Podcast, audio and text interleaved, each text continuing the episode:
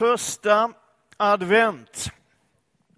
Alltid lika spännande, alltid lika härligt och alltid lika svårt att vara predikant på de här stora högtiderna när, när alla förväntar sig att få höra just den där grejen, den där texten. Men det, det så svårt är det inte. Peter och jag, Peter Ulleström, min kära dyrbara broder och kollega som pastor här i församlingen. När vi pratade om adventstiden så bestämde vi oss för att vi håller oss till kyrkoårets texter och teman eh, under de här söndagarna. Det gör vi inte så där jätteofta och framförallt inte alltid. Men nu under adventstid så, så följer vi de texter som är föreslagna och eh, de teman som är föreslagna. Eh, och dagens tema, första söndagen i advent, i den årgång av eh, kyrkoårets texter som vi är inne i, det är nådens år. Vid kyrkoåret börjar första advent, så gott nytt år på er allihopa. Det slutar med domsöndagen, med dom och elände. Nej, det är det inte. Men, med lite allvar. Och sen så börjar det nya året med fest och glädje. Därför att advent vittnar om att en ny tid kommer. Det är själva kärnan, det är det som är själva budskapet i advent. Det kommer en ny tid. Så här har det varit och så här kanske det är nu, men nu kommer någonting annat.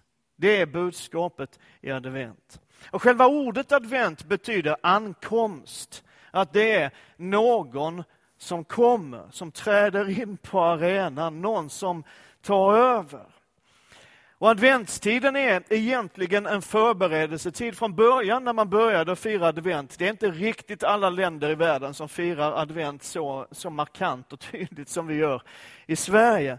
Men när man började fira advent så var det en fasteperiod, precis som vi har 40 dagars fasta som vi ju alla brukar hålla innan påsk.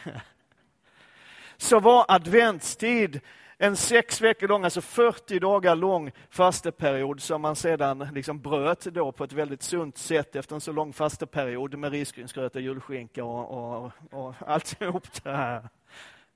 Men det är en tid när vi förbereder oss för att välkomna och ta emot han som kommer.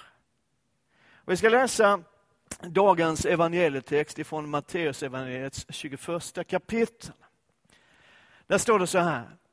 När de närmade sig Jerusalem och kom till Betfage vid Oljeberget sände Jesus iväg två lärjungar. Och han sa till dem, Gå till byn som ligger framför er. Där ska ni genast finna en åsna som står bunden med ett föl bredvid sig. Lös dem och led dem till mig. Om någon säger något till er, vilket man ju kan förvänta sig att någon gör när man snor en åsna och dess föl, så ska ni svara, Herren behöver dem. Han kommer då omedelbart att skicka iväg dem. Detta hände för att det skulle uppfyllas som var sagt genom profeten. Säg till Sions dotter, det vill säga det israeliska folket. Se, din konung kommer till dig. Ödmjuk, ridande på en åsna, på ett åsneföl, en arbetsåsnas föl.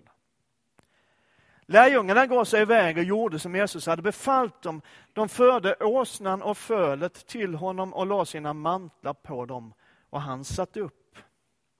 Folkskaran, som var mycket stor, bredde ut sina mantlar på vägen. Andra skar kvistar från träden och strödde på vägen. Och folket, både de som gick före honom och de som följde efter, ropade Hosianna, Davids son, välsignad är han som kommer i Herrens namn. Hosianna i höjden. Du som brukar vara med i sådana här sammanhang som i vår kyrka eller någon annan kyrka kanske observerar att det här är ungefär samma text, samma sammanhang som vi brukar läsa i kyrkorna på palmsöndagen. Och ofta så är det samma, eller åtminstone liknande texter i adventstid som vi läser inför påsken. Och då kan man fundera på varför är det så? Det finns rätt många texter att läsa.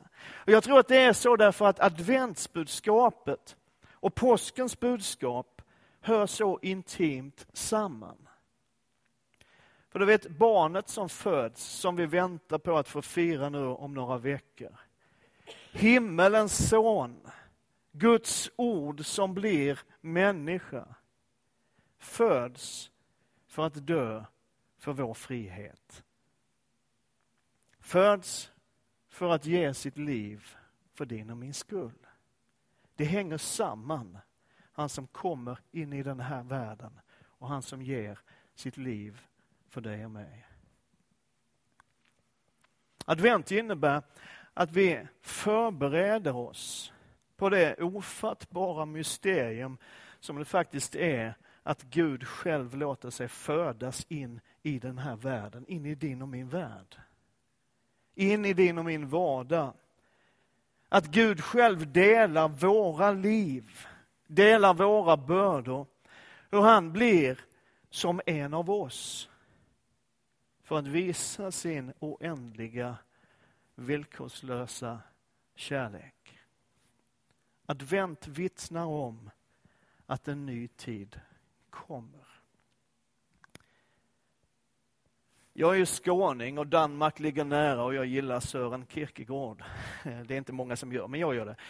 Sören Kierkegaard var en dansk filosof, teolog, författare och han har skrivit en berättelse som jag inte ska dra hela, för den, den tar, tar en stund. Men en berättelse som någonstans försöker förklara vad det är Gud gör i adventstid och genom att komma in i den världen.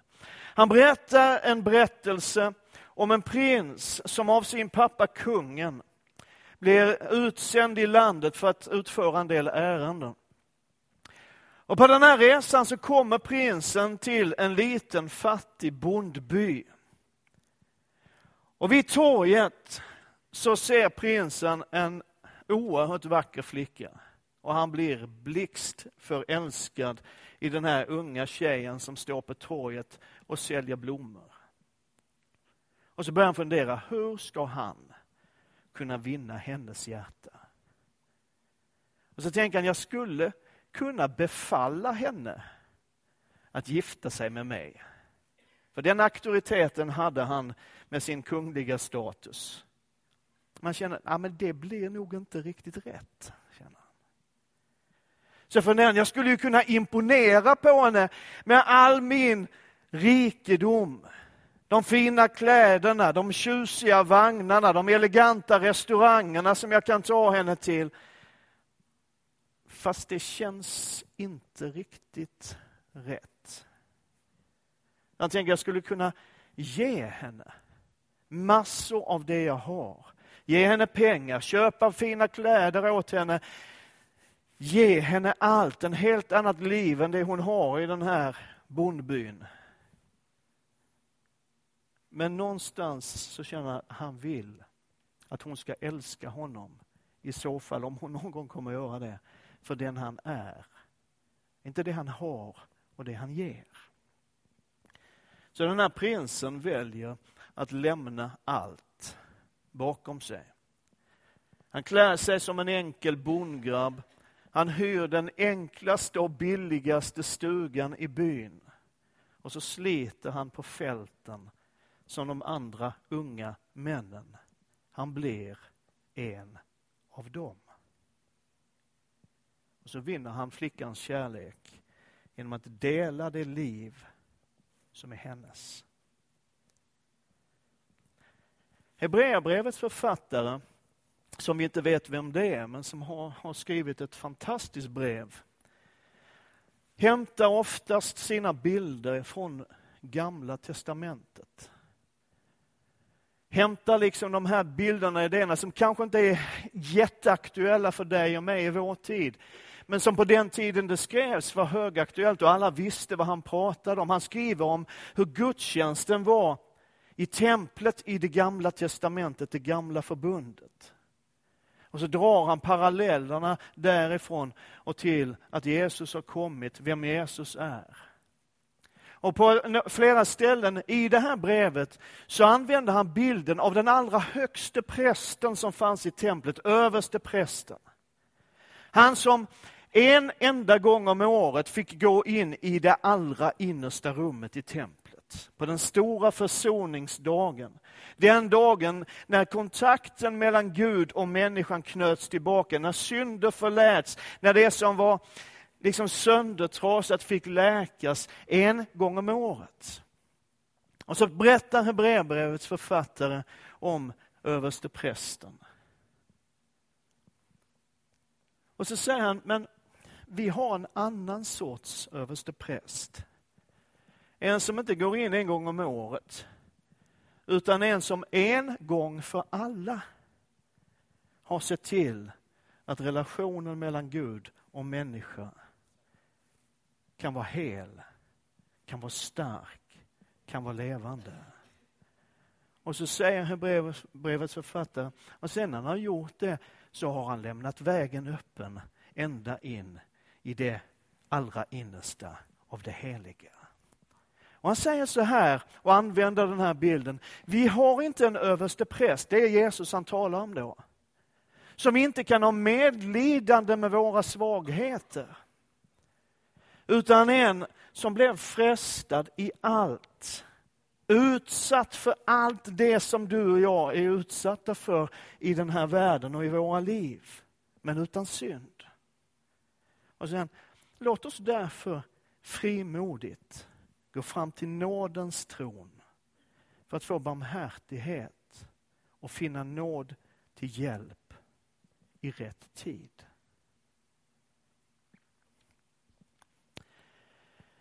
Det som händer i dagens evangelietext är, precis som texten själv säger, en exakt uppfyllelse av vad profeten Sakarja hade förutsagt flera hundra år i förväg.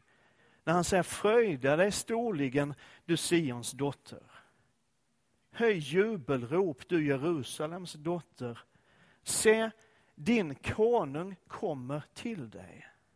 Rättfärdig och segerrik är han.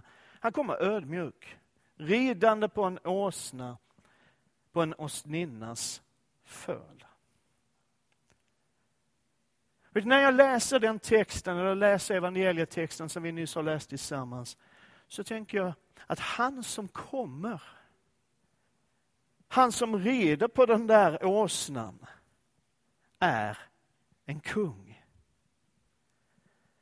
Det syns inte särskilt tydligt. För hans rike är inte av den här världen, har han sagt. Allt det yttre är så enkelt.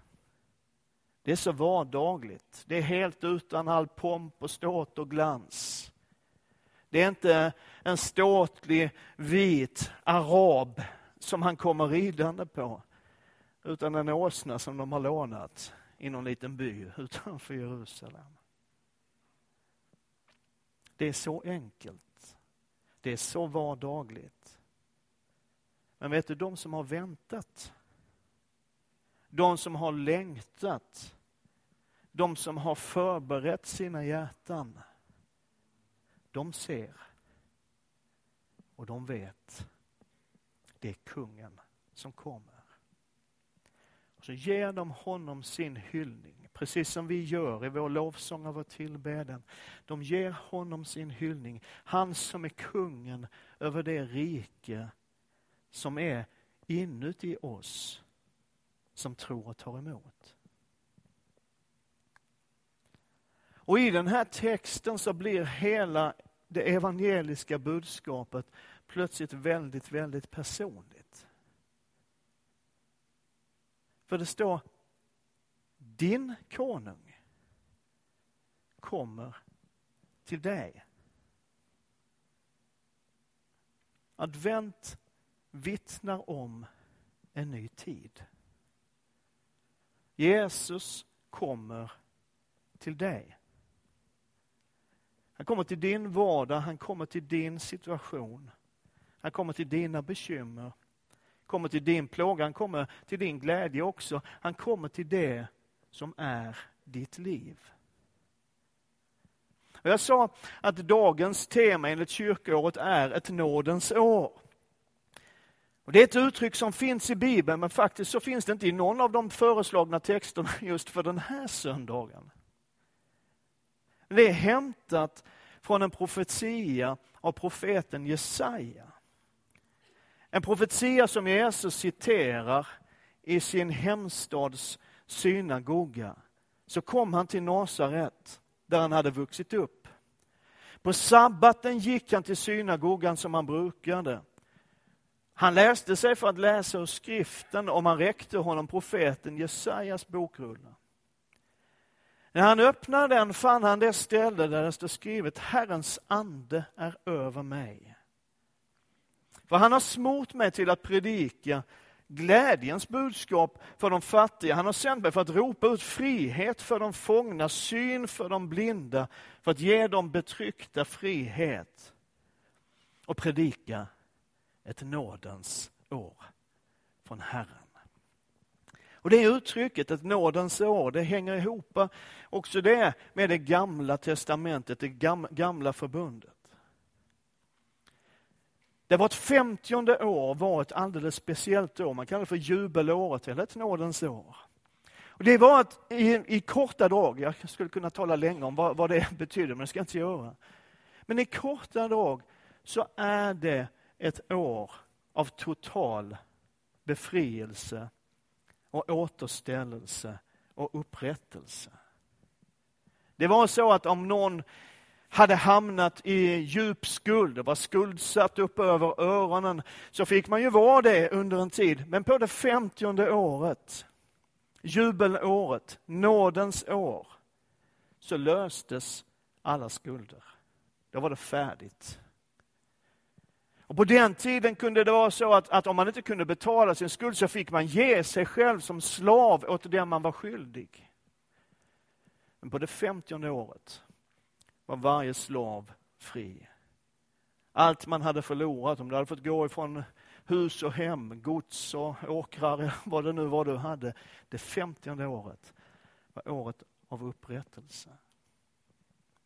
Så när Jesus talar om att han har kommit med glädjens budskap, när han har kommit med frihetens budskap, när han har kommit med läkedomens budskap.